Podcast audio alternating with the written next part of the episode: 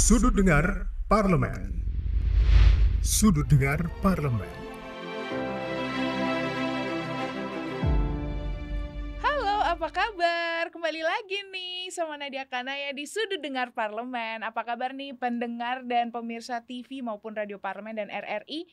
Nah, kita mau membahas sesuatu yang akan kita laksanakan, kita jalankan, kita sambut dengan uh, gembira karena ada momen Natal dan Tahun Baru. Artinya akan ada libur, artinya akan ada perjalanan keluarga dari satu kota ke kota lain, dari satu daerah ke daerah lain. Nah, kita mau membahas soal Nataru 2024 gimana ya skemanya perjalanan, gimana ya uh, kesiapan dari semua stakeholder yang bertugas yang uh, punya kewenangan untuk mengatur jalannya Nataru tahun 2024 ini. Kita sudah kedatangan Bapak Edi Santana Putra dari Komisi 5 DPR RI, fraksi Gerindra. Apa kabar Bapak? Assalamualaikum. Waalaikumsalam. Assalamualaikum pemirsa dan uh, pendengar radio. Iya, senang sekali sudah kehadiran Bapak Edi. Kita mau membahas soal uh, menyambut libur Nataru. Ya. Tapi sebelum menyambut yang secara heboh-heboh, uh, ceria, kita mau tahu dulu skema perjalanan katanya tol Cipali, Jagorawi, Cipularang ya, Cipularang, Jagorawi dan Trans Jawa ini menjadi pusat dari keramaian dan kemacetan di Nataru ini. Benarkah seperti itu, Bapak? Ya, jadi uh, Nadia diprediksi ada kenaikan perjalanan, hmm. baik itu Natal, Tahun Baru, artinya liburan lah. Hmm. Ada orang yang memang menghususkan untuk mudik karena Natal hmm. atau karena Tahun Baru. Ada yang untuk wisata. Ini lebih banyak. Oh, dan Jadi, oh, liburan ya mereka manfaatkan untuk wisata gitu. Itu, itu lebih banyak. Diprediksi ini ada perjalanan 40 persen. 40 persen peningkatan ya. dibandingkan tahun lalu. Total perjalanan itu seluruhan angkutan 40 persen dari populasi populasi Indonesia. Ah, Indonesia. Ya. Jadi artinya Jadi cukup 100 juta lebih. Cukup padat. Ah mungkin bisa dipersiapkan. Nah, untuk kesiapannya sendiri kemarin kan di Komisi 5 sudah melakukan rapat kerja dengan Menteri PUPR, kemudian Perhubungan, BMKG juga hadir ya, Pak ya? Hadir. Nah, hadir. itu sejauh mana persiapan dari tol-tol yang nantinya akan menjadi center point kemacetannya ini, Pak? Jadi kalau bicara mudik dan arus balik Nataru, hmm. Natal dan Tahun Baru itu ada beberapa moda transportasi. Hmm. Ada udara, ada darat, ada juga laut. Oh. Tapi yang terbanyak ini ya tetap yang harus lebih diperhatikan yang agak ruwet memang perjalanan darat. Mm-hmm. Apalagi dengan kendaraan-kendaraan pribadi, pribadi ya. banyak sekali itu. Nah ini ini kalau kesiapan infrastruktur Republik ini yang kita cintai ini luar biasa. Sudah, sudah siap. Sudah sudah lebih siap dari 10 tahun sebelumnya. Hmm. Dulu dan lima tahun saja sebelumnya saya selalu kritik gitu ya jalan kita ini dipersiapkan oh kalau lebaran baru disiapkan lubang-lubang ditampal apa hmm. demikian juga Natal oh kita siapkan pokoknya bisa apalagi di Sumatera asal bisa lewat oh bisa dilewati asal bisa lewat iya tapi kita kan nggak begitu harusnya setiap saat setiap hari itu kita harus selalu siap nah sekarang untuk Jawa luar biasa saya kira ini udah sangat siap ini kalau ya. Bapak menyampaikan untuk Jawa sudah luar biasa, sudah sangat siap. Artinya yang di luar-luar Jawa belum cukup belum, siap. Belum, belum. Memang se seperti apa kondisi tol yang ada? Kan ada Trans Sumatera ya, nih. Ya.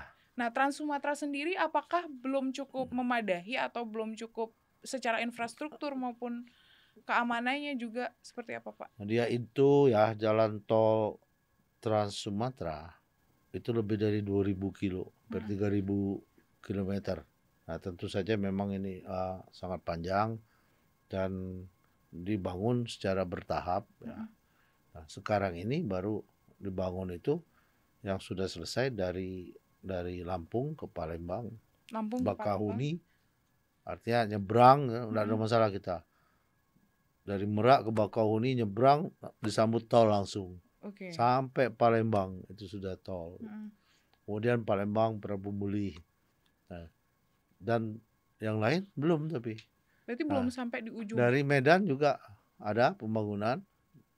Dari Riau ada. Jadi sepotong-sepotong sekarang. Hmm. Belum nyambung gitu. Ya, kita harus perlu waktu. Ya, mudah-mudahan 10 tahun ini bisa Bisa selesai. terkoneksi Ya, semuanya. Seperti tro- tol eh, Trans Jawa ya Trans sudah Jawa. terkoneksi Betul, betul, semuanya. betul. Nah, untuk eh, membicarakan soal kesiapan Nataru ini kan kemarin dari Kementerian Perhubungan membacanya Hmm. eh, kemungkinan kemacetannya masih bisa terkendali karena cuti itu dibagi dua antara cuti Natal dan cuti tahun baru. Ya kan, Pak? Makanya ya, ya. ada arus mudik dan arus balik di Natal dan ada arus mudik dan arus balik di tahun baru. Tapi, Pak, untuk ibu-ibu seperti saya yang tidak mau rugi memanfaatkan cuti bersama, itu akan menghabiskan cuti bersama semuanya mulai dari Natal hingga tahun baru. Nah, bagaimana? Apakah ini nanti tidak akan ada penumpukan di akhir eh, tahun baru berarti ya? Ya, jadi jadi sebetulnya begini. Natal itu tanggal 25 Desember. Ya. Tahun baru itu katakanlah 31 Desember ya, Mm-mm. sampai tanggal 1. Nah, ini sama menurut saya juga orang itu mulai bepergian ya. Mm-mm. Kebanyakan di Hamin 1, Hamin 2 sebelum Natal. Sebelum Natal. Ya, kalau liburnya panjang atau cuti atau ada ya sampai tanggal 1 tanggal 2. Iya dong, biar Iya. puas jalan-jalannya. Jadi nggak ada nggak ada dia sudah Natal balik lagi terus pergi lagi. Iya, betul. Yang sudah pergi itu pulangnya pasti tanggal 1 Gaspol ya, Pak. Ya. Gaspol Oh. tanggal 1 tanggal 2. Nah, yang diprediksi malah eh, Natal lebih sedikit dari ya Hamin 1 itu lebih sedikit dari eh, Hamin 2. Oke. Hamin 2 eh, tahun baru. Tahun baru. Jadi penambah yang berangkat Hamin 1, Hamin 2 Natal Hmm? dia berangkat tapi ada penambahan juga orang di H min min 2 tahun baru. Nah, hmm. ini saya kira ini mulai ada arus puncak lagi. Nah, kalau arus puncaknya, mungkin arus puncaknya kita akan terpisah nih antara Natal dan Tahun Baru. Tapi kan arus baliknya akan menumpuk setelah Tahun Arus Baru. balik numpuk. Nah, ya. apa skema yang dilakukan? Karena kemarin sempat ada juga Polri yang hadir di Iya ya. Korlantas. Korlantas. Ah, apa ada yang ah, yang skema yang akan dilakukan untuk memecah ah, penumpukan jumlah kendaraan nantinya? Dari eh, rapat kita, rapat R- RDP kita dengan stakeholder terkait persiapan Nataru. Hmm. ya, Ini sudah terlihat lebih siap, mereka lebih siap. Jadi seperti misalnya kepolisian, Korlantas, Hmm. tentu menyiapkan pos-pos gitu, pos terpadu, pos eh, pengamanan, pos pelayanan gitu. kan. Nah, kemudian juga eh, sudah diwanti-wanti gitu ya, akan terjadi perlambatan-perlambatan. Pertama di di pintu tol masuk, Oke. ya kan? Iya, Nah, jadi itu bisa diantisipasi dengan ada card reader ya. Jadi Hmm. banyak petugas yang menghampiri eh, sopir, Hmm. drivernya untuk langsung di tapping di di mobilnya gitu Hmm. kan sebelum sampai tol. Itu sangat membantu percepatan. Kemudian di eh, exit exit exit tol itu biasanya ada penumpukan, penyempitan, penyempitan, Mm-mm. bottleneck di situ. Nah, itu juga harus diperhatikan. Nah, petugas mungkin lebih banyak di situ. Buka tutup pasti masih diperlakukan. Tetap di rest area. Nah, ini harus diperhatikan juga. Rest area terjadi penumpukan. Bahkan macet nanti di situ. Oleh karena itu harus ada pengaturan manajemen rest area. Nah, diatur di rest area, dibatasi waktunya.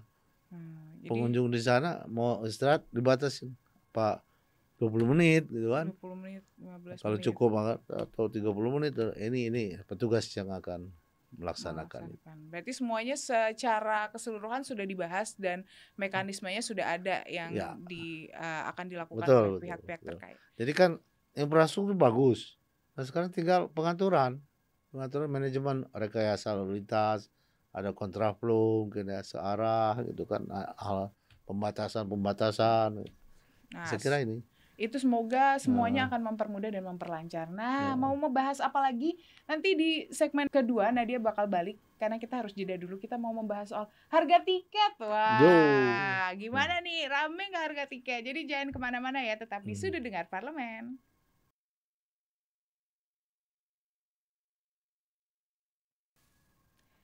Kembali lagi di sudut dengar parlemen. Nah, tadi kita sudah membahas soal gimana nih skema uh, transportasinya, macetnya dan bla bla bla. Termasuk ada titipan pertanyaan Pak terkait dengan odol.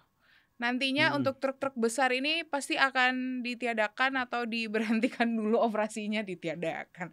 Diberhentikan dulu operasinya kan ya Pak selama Ya, ya. Nataru. Ya, jadi eh, itu sudah kita wanti-wanti waktu rapat dengan Komisi 5 dengan stakeholder terkait gitu ya, dengan mitra. Nah, banyak sekali yang mempertanyakan itu. Kok kita nggak beres-beres, termasuk saya. Urusan odol nih, over dimension, overload gitu ya. Jadi kelebihan eh, muatan itu lebih bebannya dan lebih dimensinya. Mm-mm. Nah, ini sangat mengganggu sekali gitu.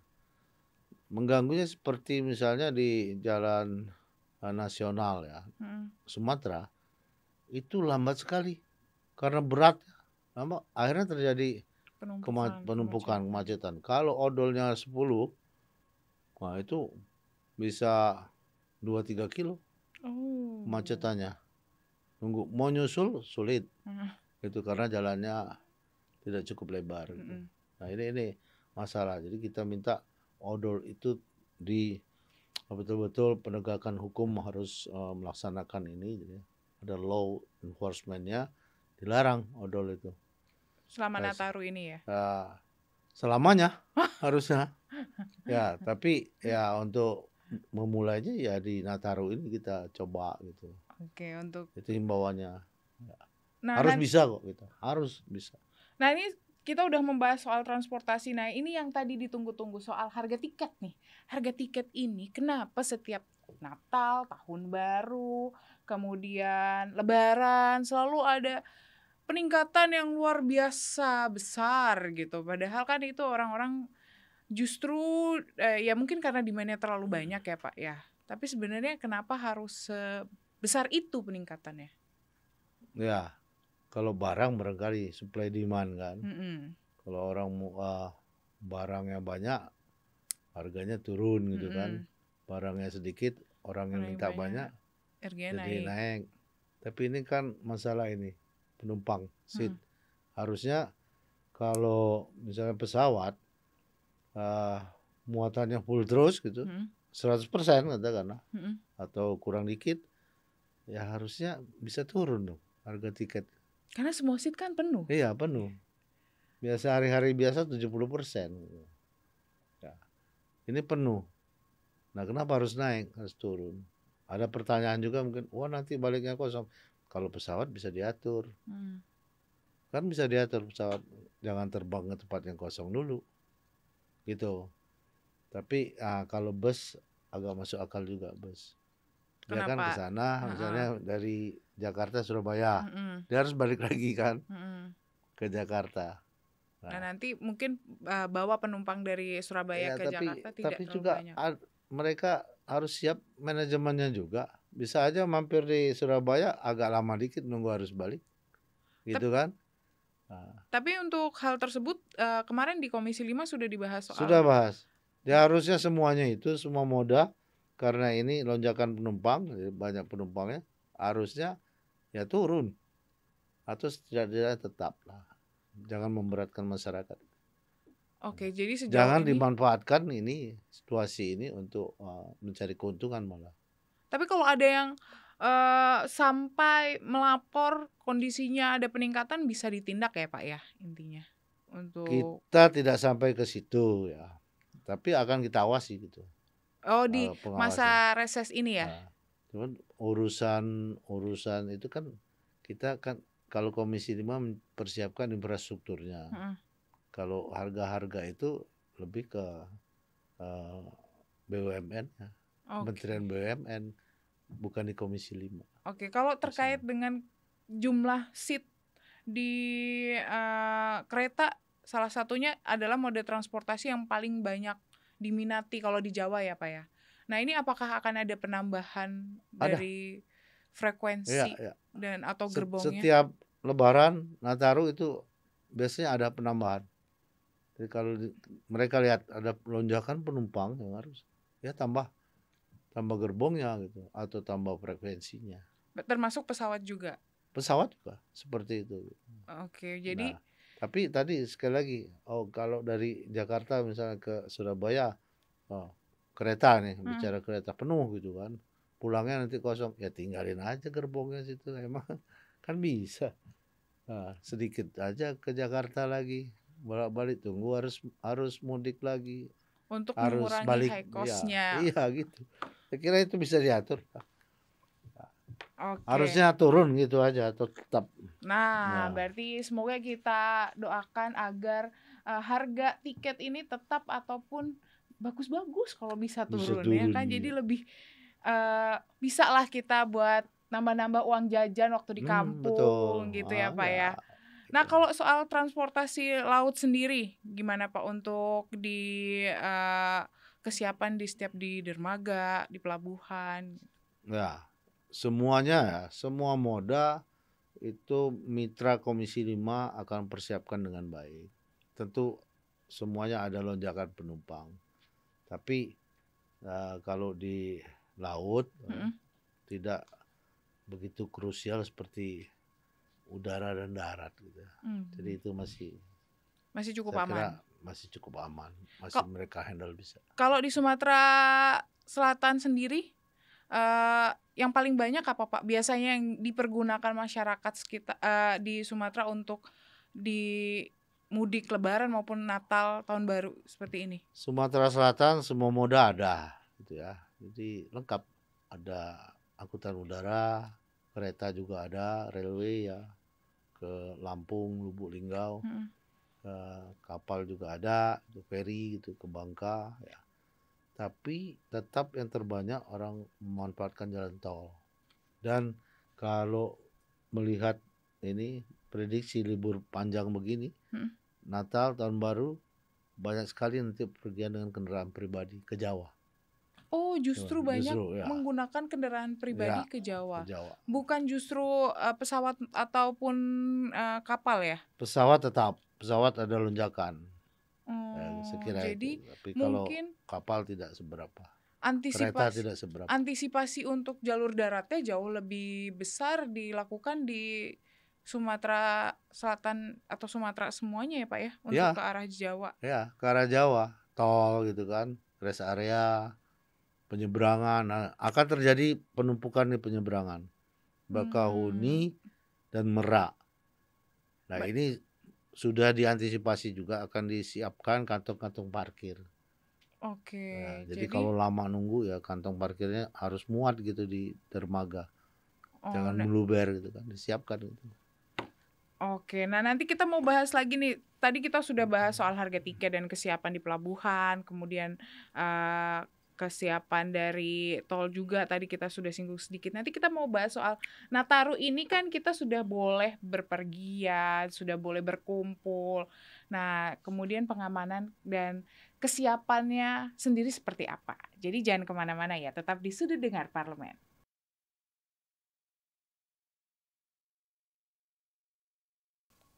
Balik lagi nih di Sudut Dengar Parlemen masih bareng Bapak Edi Santana Putra dan Nadia Kanaya tentunya. Nah, kita mau membahas kelanjutan dari Natal dan Tahun Baru. Ini menekankan ke siapa yang mau berlibur dan bersantai ke objek-objek wisata. Karena ternyata dari Kemenhub kemarin menyampaikan tujuan dari Natal dan Tahun Baru ini lebih banyak ke lokasi-lokasi wisata. Wisata, betul. Nah, berarti Betul, infrastruktur dari Nadia. lokasi-lokasi wisata ini harus benar-benar diperkuat, ya kan Pak? Enggak. Pasti itu, harus. Oh, pasti. Ah. Nah, gimana Pak untuk pembahasannya kemarin di Komisi 5 sendiri terkait ini? Ya dari dari survei Hmm? itu akan lebih banyak orang berpergian ke tempat wisata. Mm-mm. Nah, maunya kita gitu ya. Tentu kehendak kita semua. Nah, yang pertama keamanan, keselamatan di Mm-mm. tempat wisata itu harus harus terjamin gitu kan.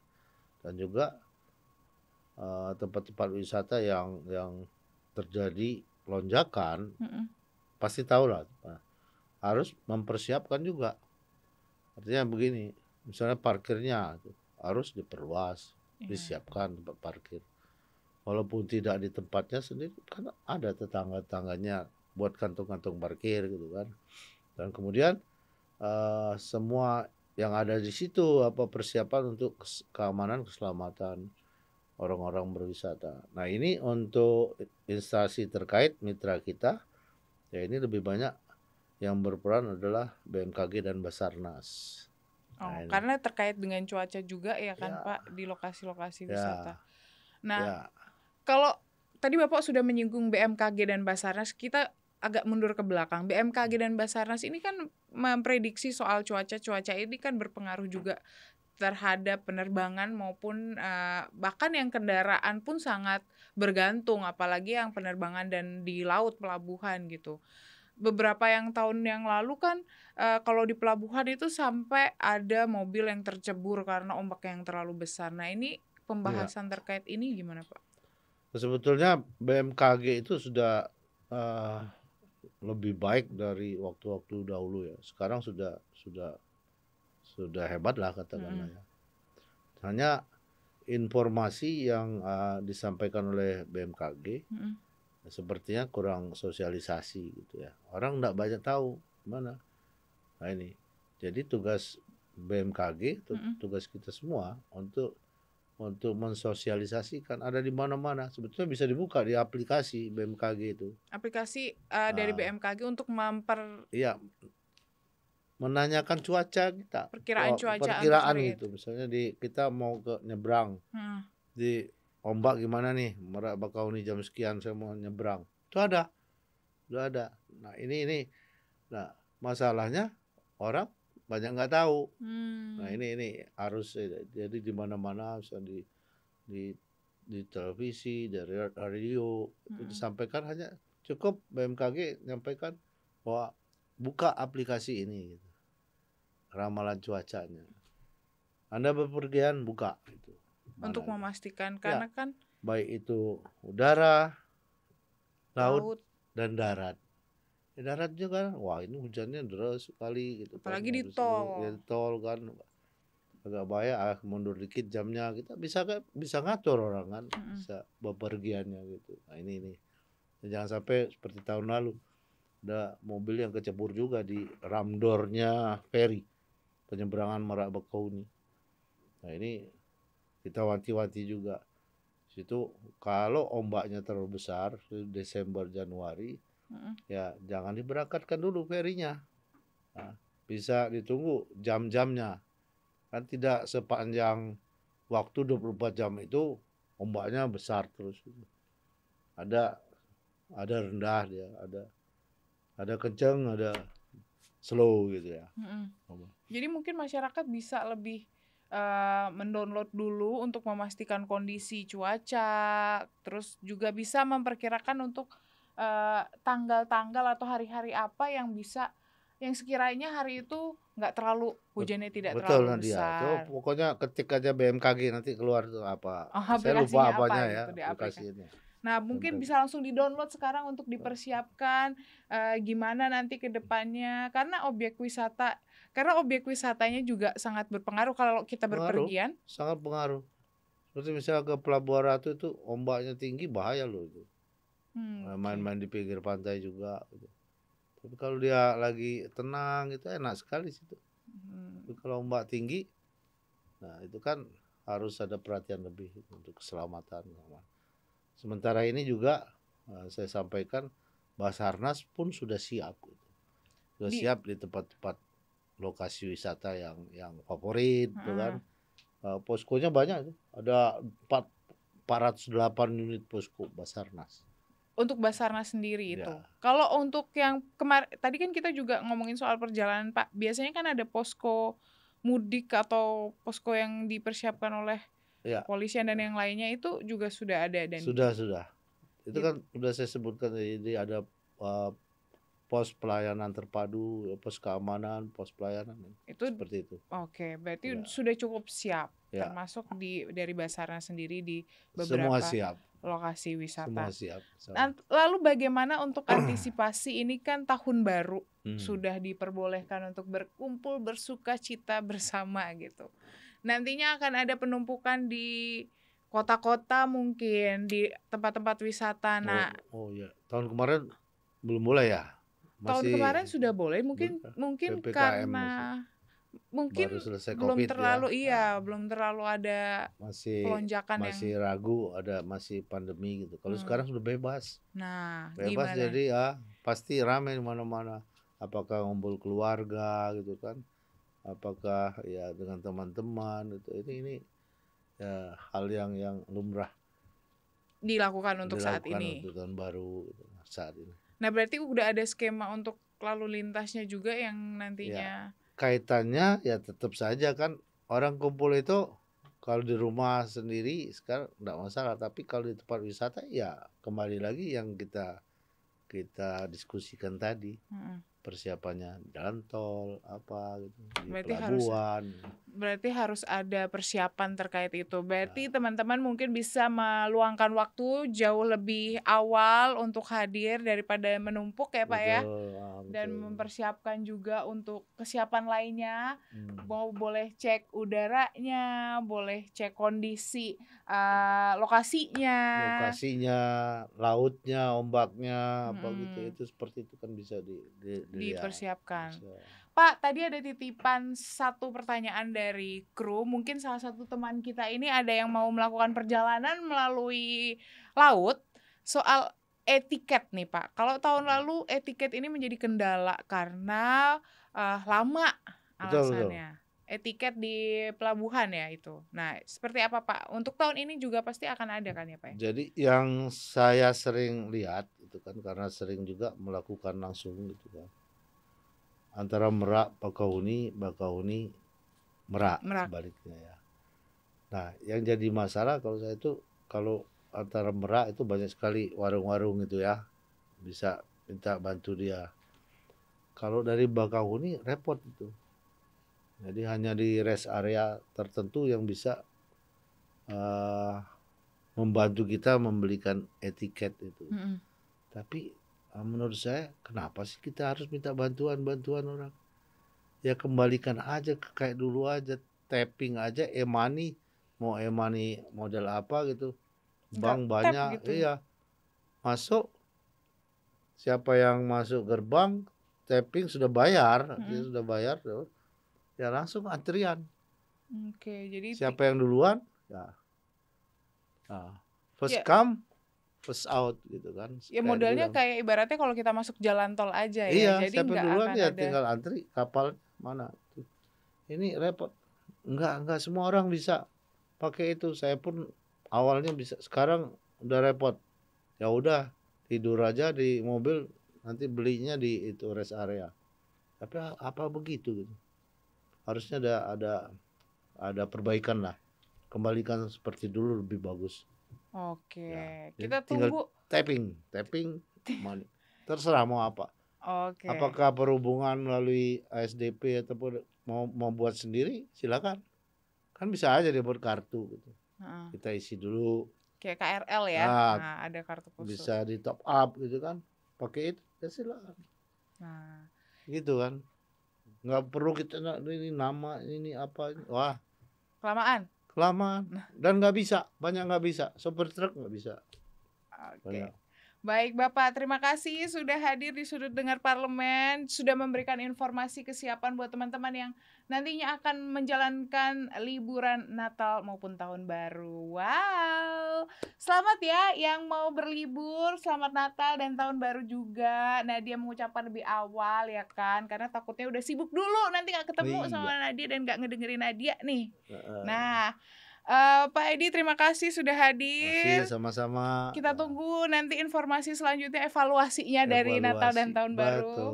Terima kasih juga buat pendengar Radio Republik Indonesia, TV Parlemen maupun Radio Parlemen. Saya Nadia Kanaya, Pak Edi Santana Putra dan kru yang bertugas mengucapkan terima kasih. Kita undur diri, sampai jumpa. Dadah. Sudut dengar parlemen. Sudut dengar parlemen.